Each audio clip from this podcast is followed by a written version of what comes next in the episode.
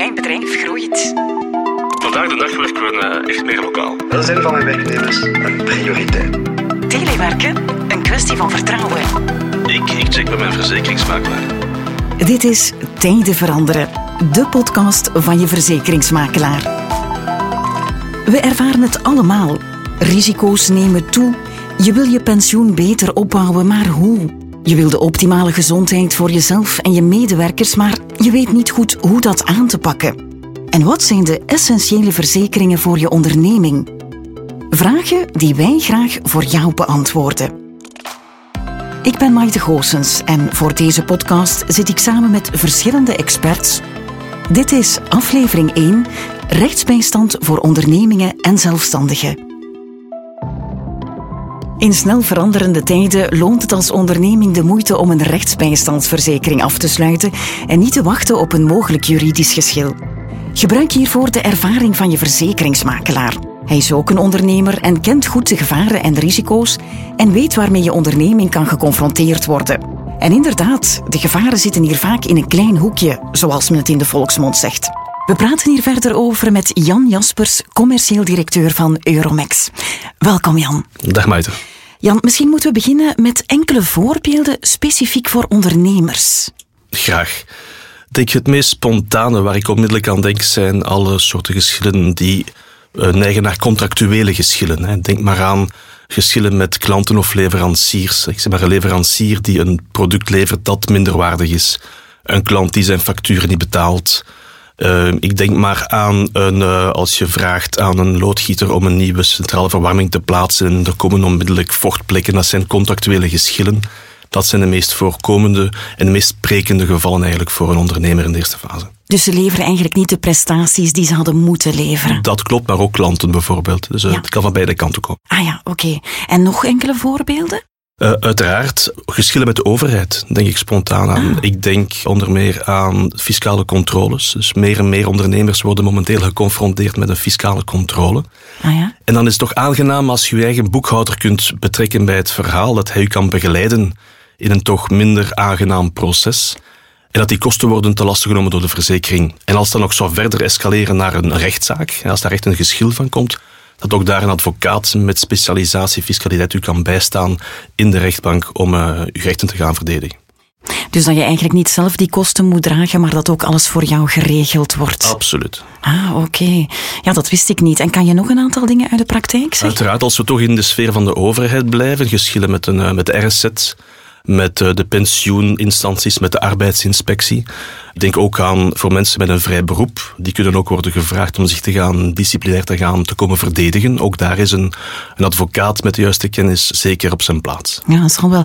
En wat zijn de dingen waar je het meest mee geconfronteerd wordt? Ik denk dat we vooral met problemen rond mobiliteit worden geconfronteerd. Dus ah, elk, toch? inderdaad, dus elke ondernemer heeft een voertuig of meerdere voertuigen of zelfs een vloot van voertuigen. En we zien de samenstelling van die vloten eigenlijk uh, wijzigen, evolueren de laatste jaren met meer en meer elektrische voertuigen, meer en meer stepzelfs en elektrische fietsen. Ja, en dan moet je wel als ondernemer zorgen dat, uh, dat uw werknemers voldoende beschermd zijn als ze zich in het verkeer gaan begeven. Ik denk bijvoorbeeld als je te snel rijdt, je moet voor de politierechtbank komen, iets wat jammer genoeg veel voorkomt, mm -hmm. dat je ook daar een advocaat bij de hand hebt. Dat, dat spreekt voor zich. Oké, okay. ja, als ik er nu over nadenk, dan lijkt inderdaad mobiliteit wel iets dat heel veel voorkomt. Um, en Jan, wat met ontslagen? Want ik kan me voorstellen dat dat toch ook heel vaak tot conflicten leidt. Absoluut. Hè. Jammer genoeg zijn er vrij veel ontslagrondes geweest de laatste tijd en dat leidt tot persoonlijke conflicten en persoonlijke situaties die minder aangenaam zijn. Het kan gaan over een, een werknemer die een, een, ontslag aanvecht, maar het kan ook gaan over pesterijen op het werk, het kan gaan over een gemiste promotie die wordt aangevochten en dergelijke meer. Dus ook daar, relatie werknemer-werkgever kan ook delicaat zijn en een bron van mogelijke uh, conflict situaties. Dus dat het ook in verschillende richtingen gaat eigenlijk? Uh, absoluut, absoluut kwestie van conflicten denk ik onder meer ook aan conflicten met uw eigen verzekeraars. Je hebt bijvoorbeeld een brandverzekering die een te laag bedrag uitbetaalt bij een schade of een arbeidsongevallenverzekering met een te lage een laag percentage van ongeschiktheid. Ook daar kan het zeker een nut zijn om een goede rechtsbestandsverzekering te hebben. En dat je het gevoel hebt dat er onrecht wordt aangedaan eigenlijk. 100% akkoord. En in de laatste momentjes, zeker wat van belang is in onze huidige digitale wereld, ook daar komen nieuwe conflicten bij. Ik denk aan de e-commerce en de risico's die daarmee gepaard gaan. Ik denk aan online hacking of, of online fraude en zeker aan de problemen die kunnen ontstaan bij het niet respecteren van de GDPR-wetgeving. Wordt dikwijls onderschat, maar de gevolgen kunnen enorm zijn. Dus dan bedoel je privacy, hè? Absoluut privacy, klopt. Oké. Eh, Jan, dank u voor die uh, duidelijke voorbeelden. Zou je dan om af te sluiten nog in één zin de definitie kunnen geven van een rechtsbijstandsverzekering? Een rechtsbijstandsverzekering zit in het woord zelf, rechtsbijstand. Hè. Wij geven graag bijstand in plaats van een bedrag uit te keren. Zoals een klassieke verzekering gaan we graag de ondernemer helpen om te kunnen doen wat hij graag doet en vooral wil doen. Dat is zijn zaak ontwikkelen en zijn zaak verder gaan ontwikkelen met zo weinig mogelijk tijdverlies uh, naar rechtszaken en juridische conflicten. Dat is wat we graag doen. Dat is heel duidelijk, Jan. Het gaat dus vooral om ons zorgen, hè, als ik het goed begrepen 100% heb. akkoord. Dank je wel. Alsjeblieft. Ik heb in een studie gelezen dat slechts één op de vijf dossiers bij een rechtsbijstandsverzekering voor de rechtbank komt en dat voor al die andere dossiers naar een minnelijke schikking gezocht wordt.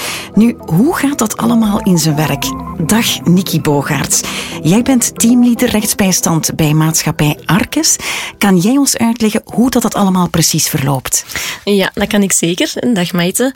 Uh, ja, het is zo dat wij altijd eerst gaan proberen om de klant zo goed en zo snel mogelijk te helpen. Als ik zeg snel en je zegt rechtbank, dat gaat eigenlijk niet in ene zien. Nee. Dus met een minderlijke regeling proberen we altijd zo snel mogelijk een schadeloosstelling te bekomen voor de klant als hij in zijn recht is. Hoe gaat dat eigenlijk in zijn werk? De klant gaat eigenlijk naar ons toe komen met een probleem, uiteraard, dat hij met zijn makelaar eigenlijk heeft besproken. Hij gaat ons eigenlijk alle stukken meegeven, uh, wie dat er volgens hem aansprakelijk is en wat er precies gebeurd is. Dan gaan we zien met de tegenpartij, als wij die alle info eigenlijk. Ja, ja, als we alle info hebben, dan gaan we eigenlijk de tegenmaatschappij of de tegenpartij zelf aanschrijven en proberen tot een overeenkomst te komen. En dat doen we dan ook met een expertise of een minderlijke medische schikking, waardoor het er eigenlijk de rechtbank niet bij komt. Lukt dat niet, dan gaan wij ook nog een advocaat om advies vragen. Deze gaat, gaan we ook in eerste instantie vragen om een minderlijke regeling te treffen, in plaats van ook rechtstreeks naar de rechtbank te gaan. Dus met de advocaat? Met een advocaat. Ja. Hoe doen wij dat? Wij gaan zelf ons advies geven aan de klant en wij gaan zelf ook tegenpartij aanschrijven. Wij hebben ook allemaal juristen in dienst dat daar het nodige voor kunnen doen. Maar soms is dat toch nog niet voldoende om de tegenpartij over de streep te trekken om zijn aansprakelijkheid te herkennen. Mhm. En dan gaan we een advocaat eigenlijk contacteren om dat in ons plaats te doen. Ja. Dus zij gaan dan eigenlijk een heel uh, conclusie opschrijven, een, een heel advies opschrijven uh, en de tegenpartij in gebreken stellen daarop. En vaak kunnen wij dan alsnog een minderlijke regeling treffen. Ja. Omdat dat toch veel goedkoper is dan naar de rechtbank te gaan. Is dat zo'n groot verschil? Dat is een heel groot verschil. Je moet nemen als wij een advies vragen aan een advocaat en hij gaat tegenpartij in gebreken stellen minderlijk, oh, dan zijn we toch ook al rond de 1000 euro kwijt. Oh. Maar als we daar eigenlijk nog eens de gerechtskosten gaan moeten bijrekenen en de zittingskosten, dat kan van 3000 euro gaan, maar dat kan ook tot 25.000 euro gaan. Dat is naar gelang ja, gigantisch, uh, hè? De, het, de schadefeiten eigenlijk. Ja. Dus het zit op twee terreinen. Het is de tijd die een rol speelt, maar ook je portemonnee die absoluut, heel erg... Absoluut, ja. absoluut. En vooral de tijd, hè, daar zeg je het zelf. Hè. Nu een voorbeeld. Uh, we hebben onlangs een dossier gehad. Een klant, een zelfstandige, met een eigen winkel, dat zijn winkel heeft moeten sluiten door onvoorziene werkzaamheden in de straat. Niet ja. aangekondigd, dus vijf dagen geen inkomen gehad. Wij hebben dan eigenlijk ja, de gemeente moeten aanschrijven en een aannemer en een onderaannemer. Verschillende partijen dus? Ja, want de gemeente had dan eigenlijk de werken in gang gezet. De aannemer heeft het moeten doen en een onderaannemer was in dienst van een aannemer. Ja. Dat hebben wij dan uiteindelijk kunnen regelen omdat tegenpartij de aansprakelijkheid heeft erkend en heeft dan ook een vergoeding gegeven waar dat onze klant tevreden mee is. Ja. Stel dat dat niet gebeurd was en we dan toch nog naar de rechtbank moeten gaan, had die klant twee of drie jaar moeten wachten vooraleer hij zijn centen had. Dus dat is toch wel een groot verschil ook in tijd. Dat is een enorm verschil. Ja. Oké. Okay. En dat voorbeeld maakt het ook wel heel concreet, Nikki. Ja, duidelijk allemaal. Als ik nu zou vragen van, kan je het belangrijkste nog eens samenvatten in één zin, wat zou je dan zeggen? Probeer voor een minderlijke regeling te gaan. Dat is veel sneller. Daar kan ik niks meer aan toevoegen. Dankjewel, Nikki. Alsjeblieft. Ik heb intussen begrepen dat rechtsbijstand veel meer is dan een advocaat en gerechtskosten en dat hij vooral lange procedures wil vermijden, zoals Niki ook aangaf, want daar wordt niemand beter van. Nu, welke diensten bieden gespecialiseerde verzekeringsmaatschappijen hun ondernemers en zelfstandigen nog aan? En die vraag kan Niels de Griese beantwoorden. Hij is jurist bij Legal Village. Welkom Niels, vertel eens wat jullie allemaal doen. Dag Maite, dank dat ik hier mag zijn. Ik denk als eh, verzekeraar is het onze rol, onze hele belangrijke rol om preventief op te treden. We moeten eigenlijk maken dat de ondernemers conflicten niet tegenkomen. En daarom vermijden eigenlijk. Vermijden, absoluut. En daarvoor bieden wij ook verschillende diensten aan. De eerste is bijvoorbeeld een telefonische advieslijn. De ondernemer die juridische vragen heeft of geconfronteerd wordt met een probleem, eh, kan telefonisch contact opnemen met onze diensten en een telefonisch antwoord krijgen op zijn juridische vraag. Dat kan bijvoorbeeld zijn, ik heb een koopovereenkomst uh, waarbij ik een bepaalde clausule heb die ik niet zeker ben dat ik die mag ondertekenen. Of die ik niet begrijp. Of die ik niet begrijp. Dan kunnen wij uh, samen met hem het contract bekijken en overleggen of dat, dat een correcte clausule is of die nog wat moet aangepast worden. En dat kan louter telefonisch? Dat, dat kan telefonisch, waar ze dan inderdaad een afspraak kunnen maken met ons, waarna wij die ondernemer terugbellen om zo een probleem te vermijden misschien in de toekomst dan. Ja, oké. Uh, ook in de meest correcte situaties zullen wij newsletters sturen, uh, waarbij er ook juridisch advies wordt gegeven in, in, in, bepaalde conflicten die men kan tegenkomen. Want recent hebben we rond de phishing aanvallen informatie gegeven hoe dat je die kan vermijden en wat je moet doen als je dan effectief uh, slachtoffer bent van een phishing aanval en wat je rechten zijn in zo'n situatie. Dus echt altijd met concrete situaties uit het leven gegrepen bijna. Ja, ja absoluut, absoluut. Daarnaast bieden we ook oplossingen aan aan de ondernemers wanneer het gaat om een schadegeval of een situatie die niet valt binnen de restbijstandverzekering. Dus dan hebben we het niet meer over preventie, maar op het moment zelf als er zich een probleem aandient. Dat klopt, inderdaad. Dus in de meeste gevallen is er uiteraard een dekking in de restbijstandverzekering, maar men kunnen ook oplossingen bieden, bijvoorbeeld juridische documenten. Men vindt niet altijd die documenten terug. Men moet daarvoor naar een advocaat uh, op stap gaan. Dat is een kluwe waarschijnlijk, hè, waar je weg moet we, zoeken. Inderdaad. En wij bieden eigenlijk de mogelijkheid aan om die documenten te personaliseren, makkelijk terug te vinden, waarna je die kan gebruiken in bijvoorbeeld uw factuur, waar je algemene verkoopvoorwaarden aan toe te voegen. Ja, en dat kan bijvoorbeeld online, of bellen jullie daar Deze ook voor, opties zijn allemaal online, inderdaad, waar men die makkelijk kan terugvinden op de website. Maar ook uh, andere verzekeraars bieden gelijkaardige oplossingen aan. Zo heb je ook het invorderen van facturen, waarbij uh, wij de ondernemers helpen om facturen die onbetaald zijn te recupereren via een efficiënt systeem met de aanstelling van een rechtsdeurwaarder, waar we ze gewoon... Dus als ik het goed begrijp, facturen die niet betaald zijn geweest ja. en waar je toch natuurlijk in actie wil schieten, want Absoluut. je wil je, je, geld krijgen en dan kunnen jullie ook helpen om dat in orde te brengen. Absoluut. Als die facturen onbetwist zijn en onbetaald en dit is een situatie tussen ondernemers, is er een efficiënte manier om die in te vorderen met een aanstelling van een rechtsdeurwaarder. We hebben al heel wat dingen gehad die jullie doen. Mm -hmm. Is er nog iets dat we kunnen toevoegen aan dat rijtje? Ja, uiteraard. In situaties waar een schadegeval gedekt of niet gedekt is, proberen we eigenlijk de klant te helpen om strategisch te kijken wat is de beste oplossing of welke stappen moeten ondernemen om uw conflict op te lossen. Zo efficiënt mogelijk. Absoluut, want men moet niet altijd naar de rechtbank gaan. Men kan perfect ook bijvoorbeeld via een bemiddeling te werken of een arbitrage of een verzoening om uw conflict op te lossen buiten de rechtbank op. En daarin kunnen wij de klant begeleiden van welke stappen men best onderneemt in uw specifieke situatie. In dat hele proces, want je bent natuurlijk onwetend en weet niet zeker. waar aan te beginnen. En hè? zeker ja. bij ondernemers uh, is het toch belangrijk. Uh, men, men uh, moet, moet vermijden dat er de relaties stuk lopen door een conflict. Want een conflict is natuurlijk een moment waar, waar twee partijen tegenover elkaar staan. bij een procedure zal men daar geen goede oplossing vinden. En er bestaan andere manieren, zoals die bemiddeling waar ik net over sprak, waarbij de partijen samen tot een oplossing komen in de plaats van een puur conflicterend voor de rechtbank. Oké Niels, dat is duidelijk. Um, kan je ook een voorbeeld geven uit de praktijk? Iets dat je zelf hebt meegemaakt en een proces dat je zelf hebt begeleid? Wel, eh, recent eh, had ik nog een dossier van eh, een klant die bakker is. die bakker had een probleem met zijn bloem. die had hij ontvangen was een leverancier die heel gebrekkig was. Dus er zaten daar andere stoffen in. Geen goede kwaliteit. Inderdaad, zijn broden zijn, kan hij niet verkopen. Hij zit met een grote stok en heeft een probleem met zijn leverancier. Nu, in die situatie stap je naar de rechtbank, heb je de kans dat je de overeenkomst met de leverancier kwijtspeelt. Je wil dat vermijden, maar toch wel ook een vergoeding. Er bestaan oplossingen. En daar hebben wij de, mediatie voor gesteld.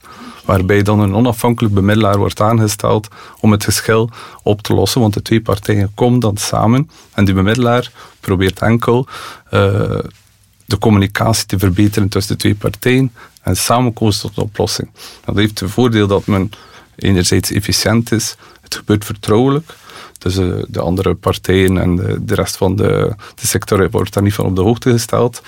En uh, men kan verder werken daarna. Ja, de relatie blijft goed tussen Absoluut. beide partijen. Hè? Ja. En die persoon heeft dan ook zijn geld teruggekregen of, mm -hmm. of een compensatie Die heeft een gekregen. compensatie ontvangen en die heeft verder kunnen werken met die leverancier. Oké, okay, toch wel best wat wat jullie doen. Hè? Mm -hmm. um, Niels, als ik jou zou vragen van, kan je samenvatten in één zin wat we nu vooral moeten onthouden uit dit gesprek? Wat, wat zou dat zijn?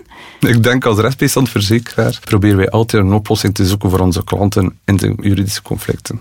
En als ik het goed begrepen heb over het hele proces, dus ja. voor, preventief, preventief, tijdens, maar ook de nazorg nadien. Dat klopt, ja. Oké. Okay. Erg bedankt, Niels. Graag gedaan. Vele ondernemingen hebben al een rechtsbijstandsverzekering in de klassieke verzekeringen, zoals de autoverzekering, de brandverzekering of de beroepsaansprakelijkheid.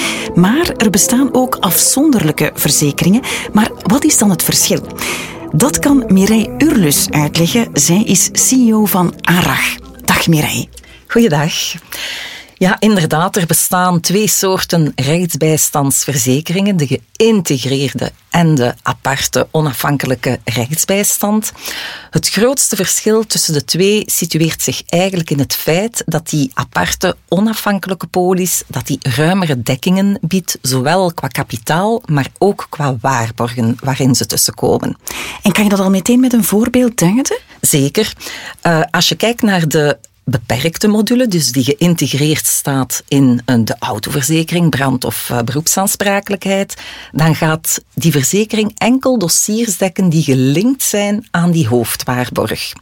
Dus dat betekent dat niet alle juridische conflicten waar een ondernemer mee geconfronteerd kan worden, dat die daarin gedekt zijn. Die zijn daarin uitgesloten.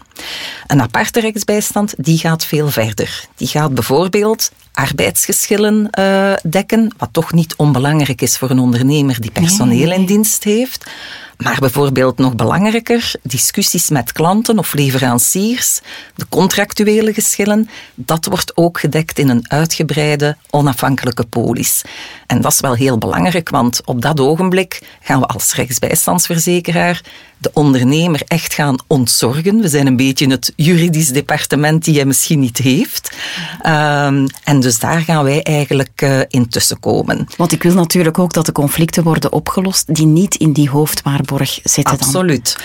En ook een voorbeeldje, de conflicten die eventueel met je autoverzekeraar, brandverzekeraar of beroepsaansprakelijkheidsverzekeraar uh, kunnen optreden, ook die zijn gedekt in een aparte polis en niet in die geïntegreerde module. En kan je dan, Mireille, zo eens een heel concreet voorbeeld geven? Uh, jazeker. Uh, ik kan u echt een, een banaal voorbeeld geven. Ja. Maar stel van je hebt een uh, vochtschade opgelopen en de vloer moet vervangen worden. Ja. Er komt een expert en je bent niet akkoord met het bedrag van de schade of de omvang van de schade. Op dat moment ja, sta je daar een beetje machteloos, zal ik zeggen, als verzekerde. Ja, niet fijn, hè? Voilà. En dan kan je je richten naar jouw aparte rechtsbijstandspolis, die niet zal aarzelen om jouw verzekeraar daarop uh, aan te spreken en dus het nodige te doen om uh, jouw uh, belangen te behartigen via een tegenexpertise dan bijvoorbeeld. En dat ik dan zo toch nog het bedrag krijg dat ik eigenlijk voor Absoluut. ogen had. Ja, Absoluut. Dat is wel fantastisch, want heel eerlijk Mireille, ik wist niet dat dat kon. Ben ik een uitzondering dat ik dat niet weet of zijn er wel meerdere mensen die zo'n specifieke verzekering niet hebben? Je bent zeker geen uitzondering. Hè. Samen met de makelaar maken we er echt werk van om het belang van zo'n onafhankelijke, aparte rechtsbijstandspolis, om dat in de verf te zetten. Uh, op vandaag heeft een derde van de ondernemers een aparte rechtsbijstandspolis. En we zien dat jaar na jaar groeien. En dat kunnen wij alleen maar toejuichen in het belang van die ondernemers. Want het is echt wel broodnodig. Natuurlijk, want dat is een hele gezonde en goede evolutie, lijkt mij. Hè? Dus wat is eigenlijk jouw kernboodschap, Mireille? Wel, ik denk dat het belangrijk is dat iedereen, uh, elke ondernemer, zich bewust is dat een aparte rechtsbijstandsverzekering, dat dat een must is in zijn verzekeringspakket. Dat is geen overbodige luxe. Uh, en dat we samen met de makelaar die stap gaan zetten om die ondernemers te overtuigen en te informeren. Dus is het ook belangrijk dat wij met een makelaar praten en dat gaan we zo meteen doen. Dankjewel Mireille. Graag gedaan. Ik ben ervan overtuigd dat er een belangrijke rol weggelegd is voor de verzekeringsmakelaar. Het is geen toeval dat meer dan drie op de vier ondernemingen voor het afsluiten van een rechtsbijstandsverzekering beroep doet op een verzekeringsmakelaar. Erik Wekers zit bij mij, CEO van de Federatie van Verzekerings- en Financiële Tussenpersonen. Erik, wat kan jij hier aan toevoegen? Wel, Maite, die rechtsbijstandsverzekering, dat is iets heel bijzonders. Die doet veel meer dan we in eerste instantie zouden denken. En daarom is een begeleiding door een verzekeringsmakelaar hier echt op zijn plaats. Die verzekeringsmakelaar die kent de ruime dekkingen en die kent alle bijstandsmogelijkheden die beschikbaar zijn en die zal u daarvan informeren wanneer het nodig is. En hoe gaat dat dan in zijn werk? Wel, Maite, bij een schade of een geschil zal je verzekeringsmakelaar uitleggen waarvoor je allemaal beroep kan doen op die polis. Die verzekeringsmakelaar zal ook aangeven op welk moment we die rechtsbijstandsverzekeraar best gaan inschakelen. Als extra hulp voor de aanvulling van het schadegeval of soms als bemiddelaar bij een geschil. Nou ja, oké. Geschillen die voor de rechtbank komen, Maite, die zorgen vaak ook voor een fysische en psychische belasting van de verzekerde. Ah, oké, want daar zal ik niet meteen bij stilstaan. Ja, een voorbeeld. Je bent er als verzekerde bijvoorbeeld van overtuigd dat je gelijk hebt, hè, maar je krijgt het niet. Stel je maar voor. Mhm. Of een schade is overduidelijk, maar de tegenpartij betwist de aansprakelijkheid of de grootte ervan. Mhm. Daar kunnen mensen echt ziek van worden. En uw verzekeringsmakelaar zorgt er op dat moment voor dat u zich als klant gesteund voelt en de moed erin houdt. Wat nodig is, want sommige conflicten duren echt lang. Dus ja, Erik, als ik het goed begrijp, is je makelaar niet alleen de expert, maar ook een beetje je steunpilaar. Ja, precies. Denken we maar aan de gewaardeerde steun die de verzekeringsmakelaars hebben kunnen geven tijdens de natuurrampen van 2021. Ja, inderdaad. In het zuiden van ons land. Hè. Ja. Die verzekeringsmakelaars waren daar echte rotsen in de branding en die zijn dat nog steeds voor die mensen. Dus ja, die verzekeringsmakelaar vervult zijn rol bij schade als expert en gids, maar hij is ook de steun en de toeverlaat van de klanten. Ja, want het is toch niet evident om dat allemaal zelf te gaan doen. Nee, precies. En, en dat verklaart meteen ook waarom je een rechtsbijstandsverzekering niet online kan onderschrijven. Het is je verzekeringsmakelaar die alle verschillende polisvoorwaarden van die verschillende maatschappijen kent en die jou gaat helpen om te kiezen voor de polis die het best bij jou past. En ook belangrijk, die makelaar ziet erop toe dat je niet dubbel verzekerd bent, want dat is in de praktijk helaas dikwijls het geval. Toch? Want inderdaad, het heeft geen zin om twee keer voor een, eenzelfde dekking te betalen.